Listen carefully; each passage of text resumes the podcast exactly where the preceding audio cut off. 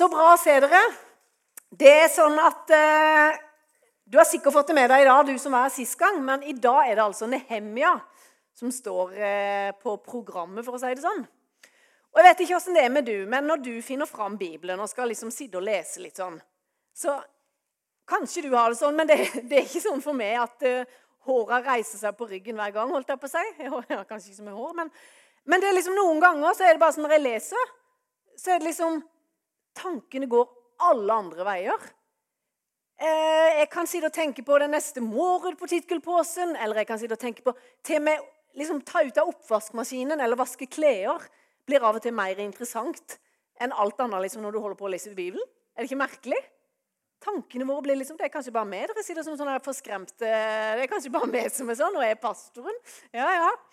Nei, Men eh, det er bra hvis dere får eh, frysninger hver gang dere leser Bibelen. Men det er ikke alltid sånn med meg. Men jeg vet at det er viktig for meg. Derfor så gjør jeg det. Om jeg ikke alltid føler eller kjenner så veldig mye, så vet jeg at det er bra for meg. Jeg trenger det i mitt liv. Uansett om jeg kjenner jeg noen ganger ikke får med meg noen ting, så velger jeg å gjøre det fordi jeg tror Guds ord er viktig for meg. Og jeg ønsker å bygge gode vaner i livet mitt som hjelper meg i min etterfølgelse av Jesus. Andre ganger kan det være sånn at når jeg leser, så er det liksom bare sånn at Oi, jeg må ha ett kapittel til. Og jeg må ha ett til. Eller dette her, der var det virkelig noe som greip tak i meg.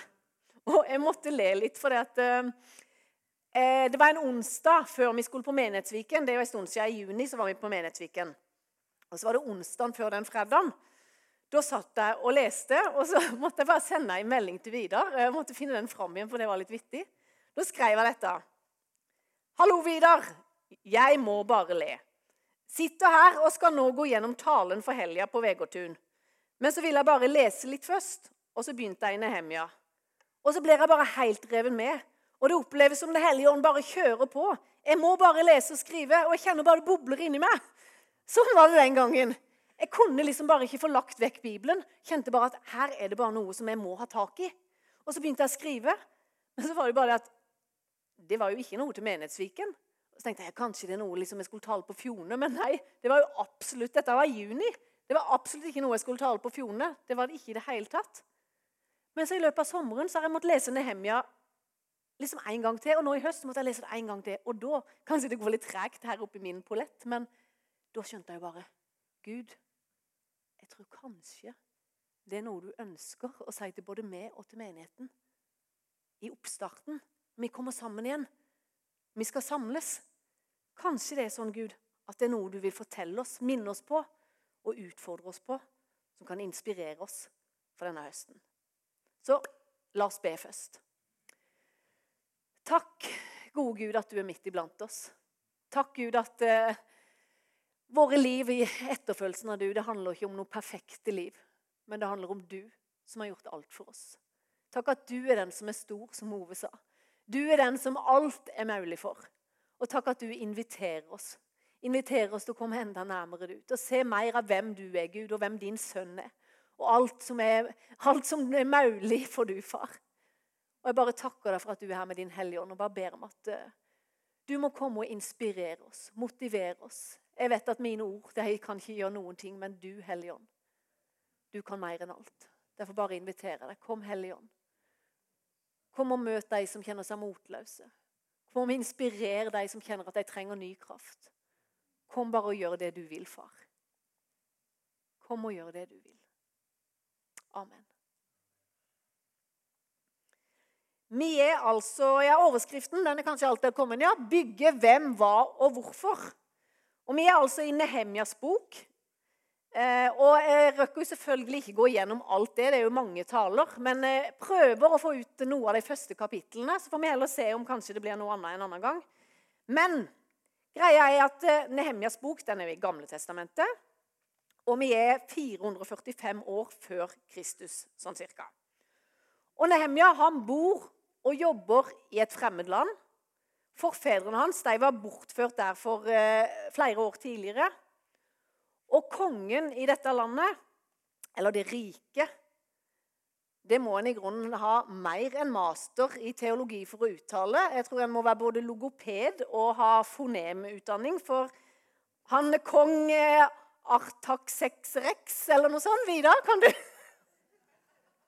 Men jeg har funnet ut at vi kaller han, gir han et kallenavn. Vi kaller han Rex fra nå av. ok? Er det greit? Han derre kong Rex, han var det. Det blir så sjau hvis jeg skal prøve meg på det hver gang. Han sitter på tronen i et svært rike som strekker seg helt ifra Hellas og mot India. Og så er det han her Nehemia, da. Han hadde fått en ganske betrodd stilling i dette riket hos denne perserkongen. Og en mer ansvarsfull stilling enn det Nehemia hadde. Det kunne en kanskje ikke få på den tida, for han var faktisk munnskjenk.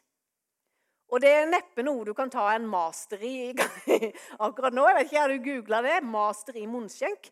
Og Du finner det ikke på jobbmarkedet, men du kan på en måte kanskje si at han var kongens livvakt. Fordi at han hadde enormt stor tillit hos denne kongen. Fordi at han skulle jo drikke og smake på det som kongen skulle føre i seg. Det vil si at var det noe som var forgifta, så var det jo over og ut med munnskjenken. Men kongen han ble berga. Så han hadde en veldig betrodd stilling. Det var poenget. Han var en høyt betrodd tjener, noe som innebar høy tillit. Og selv om Nehemja var i fremmed land, så var hjertet hans det var i Jerusalem. Og En dag så var det sånn at Nehemja sin bror han kom fra Jerusalem. For Nehemia ønska å vite åssen er det egentlig, åssen er tilstanden der hjemme i Jerusalem. Åssen er det med folket? Åssen er det med, liksom, eh, med, gjengen der hjemme? Han var bekymra for dem. Åssen det egentlig sto til med dem. Og så fikk Nehemia høre det, at folket hans opplevde vanskeligheter. De murene som var rundt byen, de var revet ned. Det bodde flere mennesker i byene på utsida og bygdene på utsida enn det gjorde i Jerusalem. Og folket Hanses de sto i fare for å miste hele sin identitet. For så, Byen sto uten beskyttelse. Det var påvirkning og innflytelse fra overalt. Og den var så sterk, så han ble veldig bekymra for at folk bare skulle gi etter for dette presset og all den påvirkninga utenfra. Og dette gikk inn på Nehemia. Og jeg tenker på det. Nehemia, han, Hva kunne han ha gjort? Jo, Han kunne satt seg ned og klaga. Å, det er grusomme tider nå, dere. Det er forferdelig i landet nå. Jeg kan ikke tenke meg hvor mye gudelighet det er, og håpløst det er i denne her verden nå. Det er grusomt, dere. For ei utvikling. Han kunne ha satt seg ned og gjort det. Det er menneskelig. Og han blir motløs av og til. Men bilde tre så kan vi lese hva Nehemia gjør. Kapittel 1, vers 4.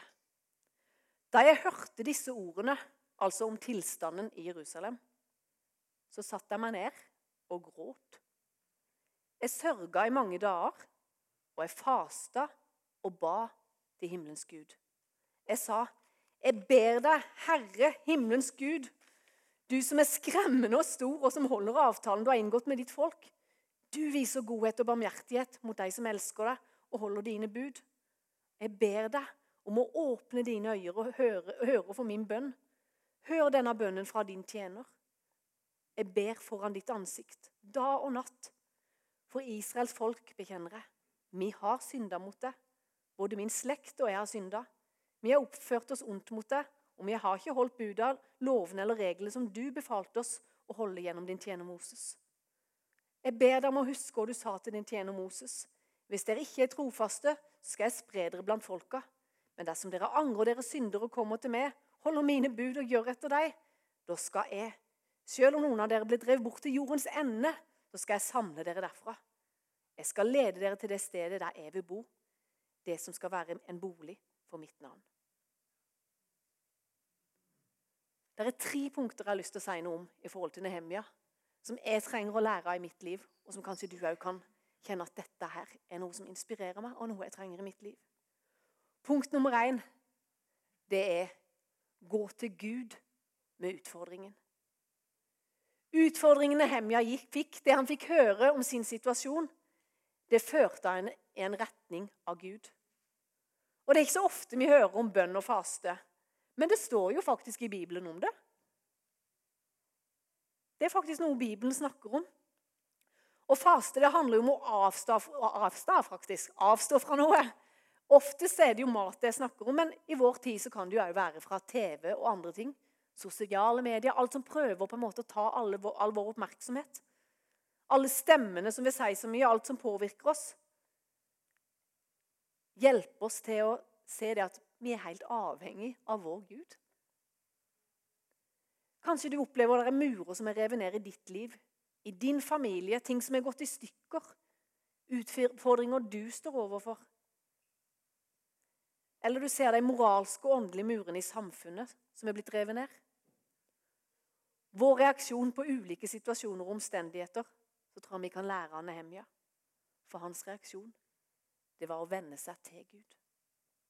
Og ikke bære på alt sjøl, eller bare tale ut og snakke om alt det grusomme som er rundt oss.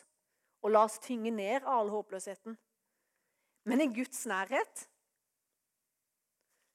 så ble det Guds nød for menneskene og Guds tanker lagt på Nehemia.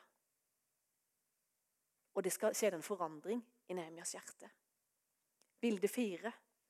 Og denne erkjennelsen denne erkjennelsen over hvordan tilstanden var, og nøden for landet og folket, den ble faktisk så tydelig i Nehemia sitt liv at kongen han la merke til det. Han merka at det, det, var noe som var over Nehemia. Eh, vi kan lese at det står at aldri før hadde Nehemia vært bedrøva i kongens nærvær. Og jeg ser for meg Kanskje var Nehemia jeg vet ikke, det står ikke så mye om det, men kanskje var en sånn blid og glad person. liksom, 'Hallo, konge! I dag er det en ny dag, dere. Nå skal vi kjøre på.' 'Ok, Hvilken mat skal jeg smake på i dag?' Han var liksom kanskje den der blide, muntre personen som kom inn til kongen. Men så merka kongen at hm, det er noe annerledes. Så kan vi lese at kongen sa faktisk 'Hvorfor ser du så trist ut?' Ennå du ikke er sjuk. Du må jo ha hjertesorg. Det kan ikke være noe annet. Og så svarer Nehemja, ja, jeg er full av sorg fordi min by, der min slekt og forfedre, den er blitt rasert. Folk har flykta fra den, til og med portene er ødelagt. Og så spør kongen Nehemja, hva er det egentlig du ber om, Nehemja? Og Da stopper Nehemja litt, ser han stille, og så ber han til Gud mens han er der hos kongen. Så sier Nehemja, da ba jeg til himmelens Gud og sa til kongen.: Hvis kongen synes om det og kan tenke seg å vise en slik godhet mot meg, så ber jeg om at du skal sende meg hjem til byen min i Juda, så jeg kan bygge den opp igjen. Punkt nummer to. Det er handling. Altså nummer én han gikk til Gud. Nummer to er handling. Nehemja så nøden, og han ble sterkt berørt av den. Men det stoppa ikke der. Det førte han i en retning. Det førte til en handling. Og da tenker jeg likegyldighet det er en fare for oss alle sammen, og det er en stor fare for meg. En kan se på alt omkring behov, ting som skjer, murer som er revet ned, og så kan en bare bli likegyldig. Jeg tror det er en stor fare. Men det at hjertene våre blir engasjert, ikke bare haugene våre, da tror jeg at mennesker rundt oss, både i menigheten og utenfor, vil oppleve det som godt. Så kan vi løfte det til et annet punkt. Så kan en tenke at hvilke murer er det i menigheten som trengs å bygges på? Eller i samfunnet? Hvilke murer er det som trengs å bygges her? Er vi likegyldige, eller handler vi? Eller blir vi grepet av frykten, som det bare sier 'Å, alt er så grusomt', og forferdelig, all denne ugudeligheten. Nå må regjeringa få en slutt på denne ugudeligheten. Men dere, da må vi stoppe opp litt og tenke.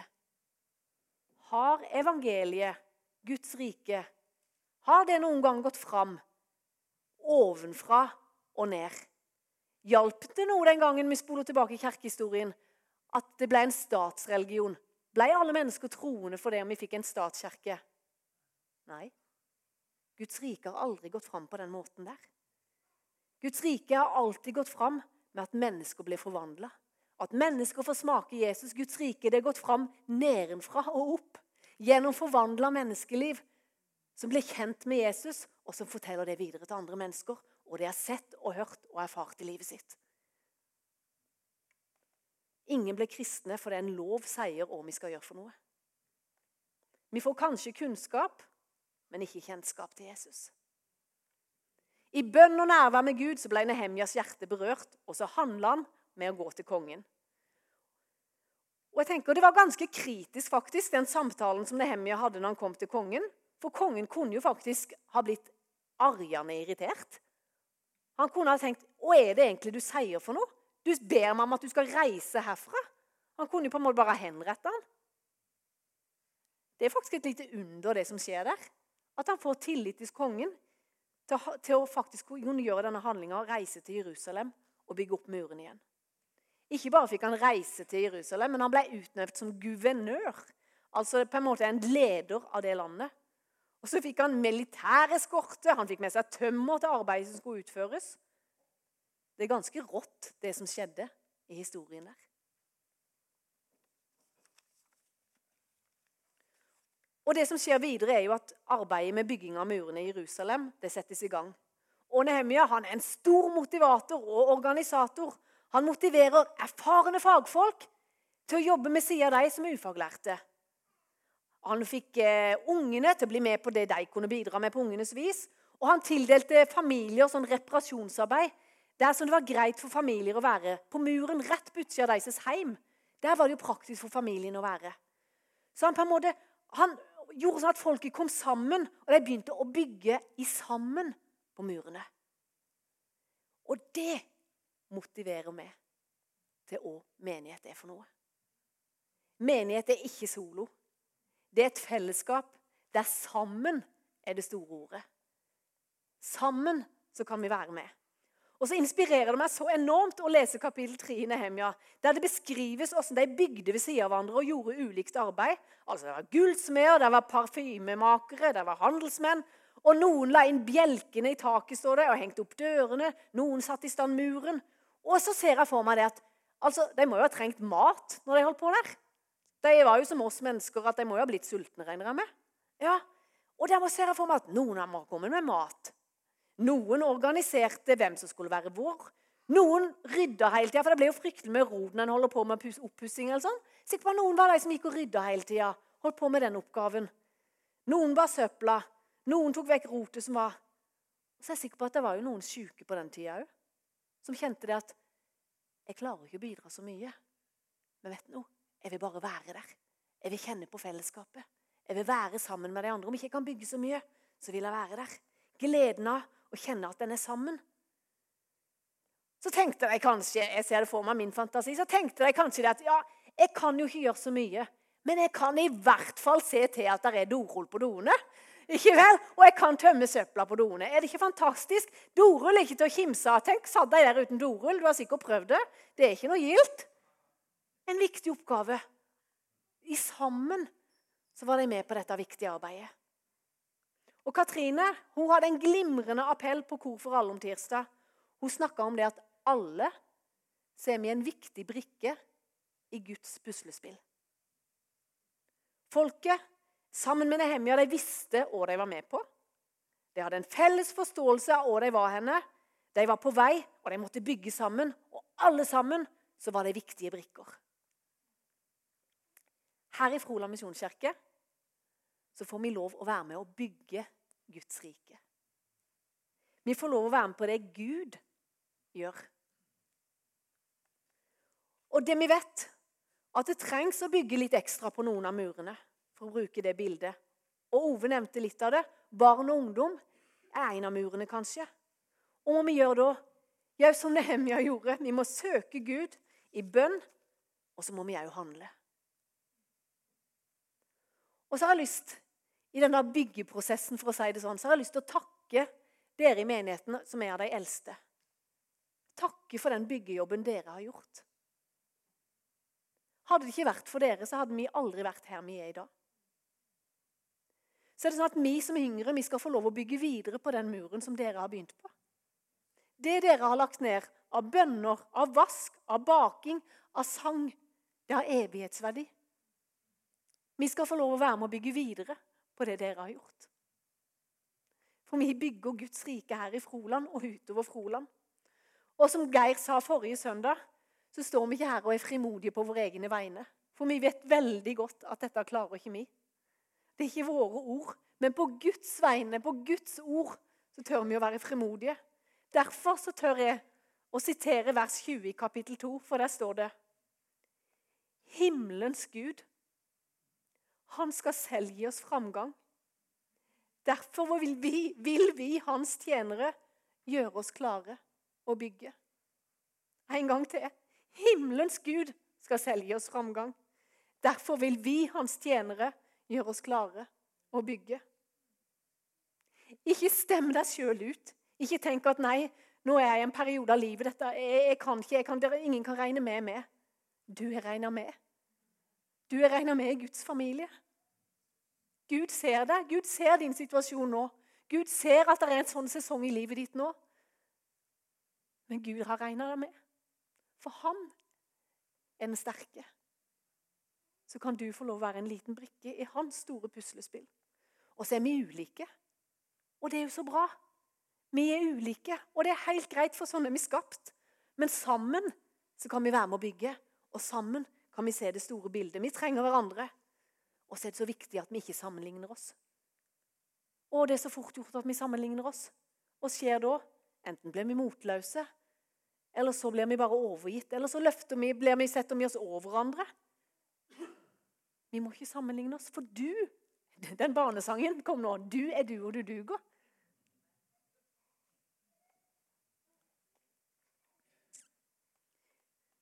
Du kan være med å bygge. Og som Ove sa, vi trenger deg med mye tro.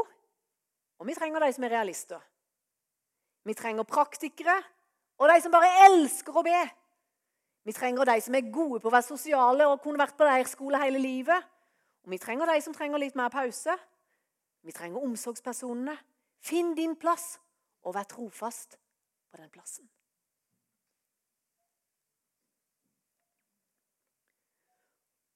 Punkt nummer tre som Nehemja, eh, vi kan få ut av Nehemjas historie. Punkt nummer tre det er motstand og hjertets motivasjon. For det kan høres veldig idyllisk ut at Nehemja og gjengen var der, og de bygde og de kjørte på. og Det var liksom ulike familier og ulike mennesker og håndverkere der og de der og praktikere og de som ba og alt, liksom. Det var bare idyllisk. Vet du noe? Det var jo ikke det hele tida, da. Hvis vi leser litt lenger ute, så opplevde de motstand. De ble latterliggjort. Vi kan lese var noen som sa uansett åssen de bygger, om så bare en rev kommer opp på den muren, så river han ned muren deres. De liksom latterliggjorde hele arbeidet. De ble håna, og det ble sagt mye om dem. Jeg tror at vi som Guds folk faktisk må regne med at noen ler av oss. Vil, vi må regne med at noen syns vi er skrekkelig rare. Det er jo ikke så rart. Altså, Vi har erfart Jesus, kanskje vi som er her inne, at, at han er god. Men de som ikke kjenner Jesus se det, Bare tenk litt. liksom, De som ikke kjenner Jesus Det er jo ikke rart de tenker at de hen på Misjonskirka de er jo helt gale. Ikke bare legger de ned mange timer, men de er der hver søndag når sola skinner ute. Og så gir de av pengene sine til meg der og bruker så mye tid på en gud som ikke de tror fins engang. Det er jo ikke rart at de syns vi er litt rare. Det er jo ikke det. Vi må regne med at noen syns vi er litt rare. og Det er helt greit at noen syns jeg er litt rar. At vi vil bruke vår tid, penger og krefter på å følge en som ikke de tror på. Og jeg tror jødene de følte seg nok som en minoritet i dette store riket. Og på samme måte så kan vi oppleve det som troende i dag i samfunnet. En er kanskje alene på skolen, en er kanskje alene på arbeidsplassen. Og du blir sett som både, på som både rar og gammeldags. Men åssen var Nehemjas reaksjon på dette? Når jeg hånte han, når jeg latterliggjorde han? Gikk han inn i liksom skikkelig demonstrasjon liksom, og gikk rundt med faner og flagg eller en kjempediskusjon? Nei, nå skal du høre det! Nei, han gjorde faktisk ikke det. Nehemjas reaksjon var ikke å slå tilbake eller latterliggjøre dem. Eller forsøke å vinne diskusjoner. Nei, han vendte seg til Gud. Vi kan faktisk være trygge på det at en dag så skal Gud la rettferdigheten seire. Og hans ære vil bli gjenoppretta til slutt. Vi vet jo på en måte hvordan slutten blir. Vi må se det store bildet. Tross motstand så fortsatte arbeidet hos Nehemja. Men det er noe som jeg tenker det er verdt å stoppe med. kapittel 4, vers 6, så står det Så bygde vi på murene, helt til de var omtrent halvparten av vanlig høyde. Hør godt etter nå, ville svigerfar sagt. For av hjertet ville folket arbeide. Det er en viktig halvsetning, holdt jeg på å si. For av hjertet ville folket arbeide. Det kan virke som at folket der hadde en indre motivasjon. For de ville jobbe. Ikke fordi noen absolutt sa det, fordi de ble pålagt det, men av hjertet ville de jobbe. Og Jeg husker det når jeg studerte idrett for mange år siden. Så lærte vi om indre og ytre motivasjon. Skal jeg bare ta en liten runde på det, sånn at du kan få med deg bildet. Indre motivasjon. Da er det sjøle idrettsgleden som er drivkraften. Interessen for sjøle aktiviteten det er belønning nok. Det er det som driver en. Mens ytre motivasjon det er kanskje pengepremien eller pokalen eller belønningen. Det å bli sett, få anerkjennelse, applaus, jubelrop. Og studier på dette her, det viser at de som har en indre motivasjon for idretten de holder på med, de har mye mindre sjanse for å bli utbrent i arbeidet deres enn de som bare drives av den ytre motivasjonen. Faren for utmattelse og utbrenthet den økte stort i idrettsverden hvis du bare var drevet av den ytre motivasjonen. Hadde utøveren derimot en indre motivasjon, da var det mye lettere å både motstå fristelser i treningshverdagen til å la være å trene f.eks. Og de hadde en mye mer kontroll på treninga, for det var en indre motivasjon som bare dreiv dem. Dette vil jeg bare gleden av å holde på. Vi leste at av hjertet ville folk jobbe. Hva er din motivasjon for å være med å bygge opp murer, eller bygge på murer som allerede er lagt? Enten i din familie, i din heim, i menigheten, i samfunnet. Og er motivasjonen din for å være med å bygge? Hva ser du for noe? Hva er det som driver deg? Ytre motivasjon i vår sammenheng det kan jo være at ja, da vil vi få mange medlemmer. Å, fantastisk bra tall og statistikker. Veldig bra.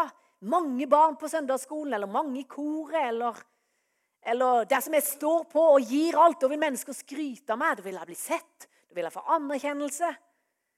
Selvbildet mitt er litt dårlig, så jeg trenger jo ros. Da vokser jeg. Eller Ja, jeg er jo kristen. Det er min plikt. Da må jeg bidra. Hvis ikke så er jeg jo ikke nok, eh, noe bra nok medlem. Eller eh, Ekteskap og familie er jo noe Bibelen sier er viktig, så da må jo jeg synes det er viktig. Og så bare, må jeg bare gjøre det. Jeg bare må reise på møte om søndagen fordi ja, alle andre gjør det, eller og ingenting av dette er jo nødvendigvis feil. Men hvis det er kun det som driver oss, så tror jeg faren for å bli utbrent i menighet og Guds rike òg er mye større. Slitasjen kan bli mye, mye større. Men hva kan indre motivasjon i denne sammenhengen være? da? Det kan f.eks. handle om forvalteransvar. Tenk dere, vi er blitt velsigna med denne fantastiske kirka. Er vi klar over hvilke, hvilke bygg vi har? Hvilke muligheter vi har? Tenk at vi får lov å være med her og bidra med våre penger, med våre krefter, med vår energi, med vår tid. Så kan ikke bare vi få glede av den, men generasjonen etter oss kan få glede av den. Det er ikke bare min familie det handler om, men det handler om faktisk om hele Froland kan få lov å få glede av denne fantastiske kirka og dette bygget. Det kan være et forvalteransvar. Men så tror jeg jo mer enn alt som kan motivere oss. Det er jo stadig at vi vender tilbake til korset. Til Jesus. Til hvem han er, og det han har gjort for oss. Tenk på det at Gud han gir oss aldri opp. Han ga meg aldri opp. Han elska meg allerede mens jeg var en synder, står det. Han etterjaga meg med sin kjærlighet for at jeg skulle få lov å ta imot hans sønn, hans kjærlighet, hans nåde og hans tilgivelse. Den friheten det er å få lov å kalle seg Guds barn. Alt det Jesus har gjort, av bare nåde. Den gleden og den friheten er det som driver meg til at andre mennesker skal få lov å smake den gleden. Smake den friheten. Den nåden som det bare Jesus kan gi. Den identiteten som bare Jesus kan gi. Han forteller meg hvem jeg er. Uansett hva alle andre stemmer sier noe, så er det han som kan fortelle meg hvem jeg er. At jeg er hans elskede datter. Den friheten bare Jesus kan gi. Motivasjonen over at vi er her en liten stund. Men dere, vi har en evighet i vente. Tenk på det. Det beste ligger foran oss. Jeg syns livet her er fantastisk. Og der er, ja, der er noen skikkelig oppoverbakker innimellom. Det er det. Men så har jeg det beste i vente. Tenk på det. Det kan òg være en motivasjon. Vi vil ha med oss flest mulig til denne evigheten. For alle så har vi det beste i vente. Vi har tatt imot Jesus. Og motivasjonen over at vi har tilgang til en kraft utenfor oss sjøl. Gud har gitt oss Den hellige ånd i våre liv. Og Det er ikke meninga at du skal klare denne byggeprosessen sjøl. Det er takk og lov, sier jeg til det. Men du kan få kraft ifra en utenfra deg sjøl. Så trenger vi stadig å vende til korset. Der Jesus han ga sitt liv for meg, han ga sitt liv for det. Men han ga sitt liv for hele din familie, for denne bygda, for denne verden, faktisk, ga han sitt liv. Og det er noe å sitte og grunne litt på. Det er så stort at vi klarer mest ikke å ta det inn over oss. Men det står jo det han elsker verden så mye. Gud han, Gud, han gir seg ikke før alle har fått høre. Alle skal få høre. Og jeg tror det at Når Gud kaller oss og deler hans byrder med oss, så blir vi ikke de samme. For da blir det ikke en byrde som blir for tung å bære, men det blir hans nød, hans kraft, hans hellige ånd som virker igjennom oss. Og det ønsker vi å være med på det han gjør. Han inviterer oss med. Og Her har vi mye å lære av Nehemja. Både av den nøden han hadde, hvordan han reagerte på nyheten han fikk, og hvilke konkrete handlinger han gjorde som resultat av dette.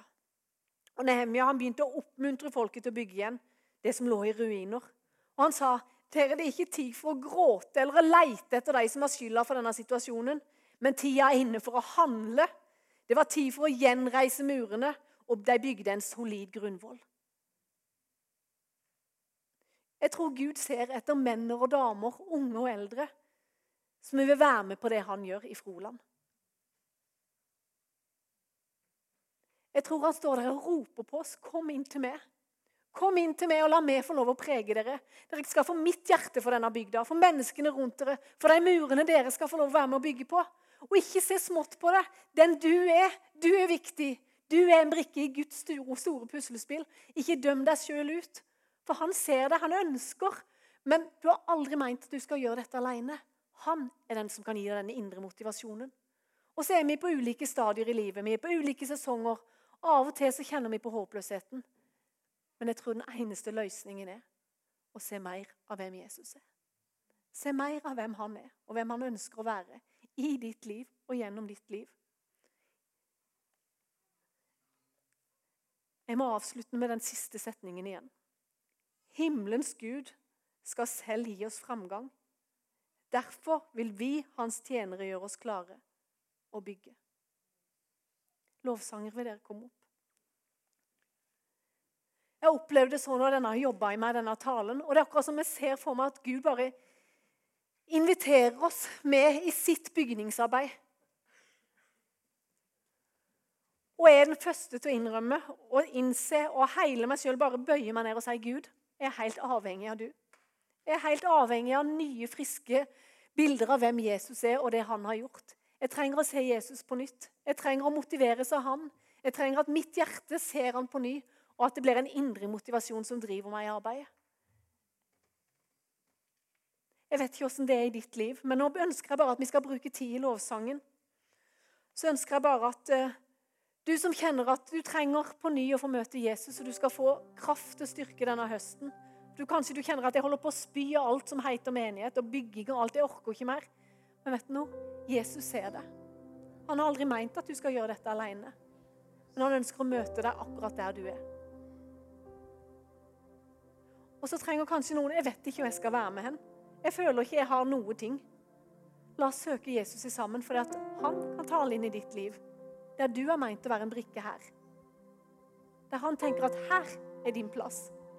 Her skal du få lov å tjene. Og så trenger vi alle hverandre. Det er ikke sånn at noen oppgaver er, er viktigere enn andre. Vi trenger alle sammen. Vi trenger hverandre for å være med å bygge på murene. Men vi trenger at vi er dreven av den indre motivasjonen. At det er Jesus. Se hva Jesus har gjort. Så kan vi få lov gjennom våre handlinger og gjennom det vi bygger med, så kan vi få lov å gi en takk tilbake til Jesus. For det er jo han som har gjort alt.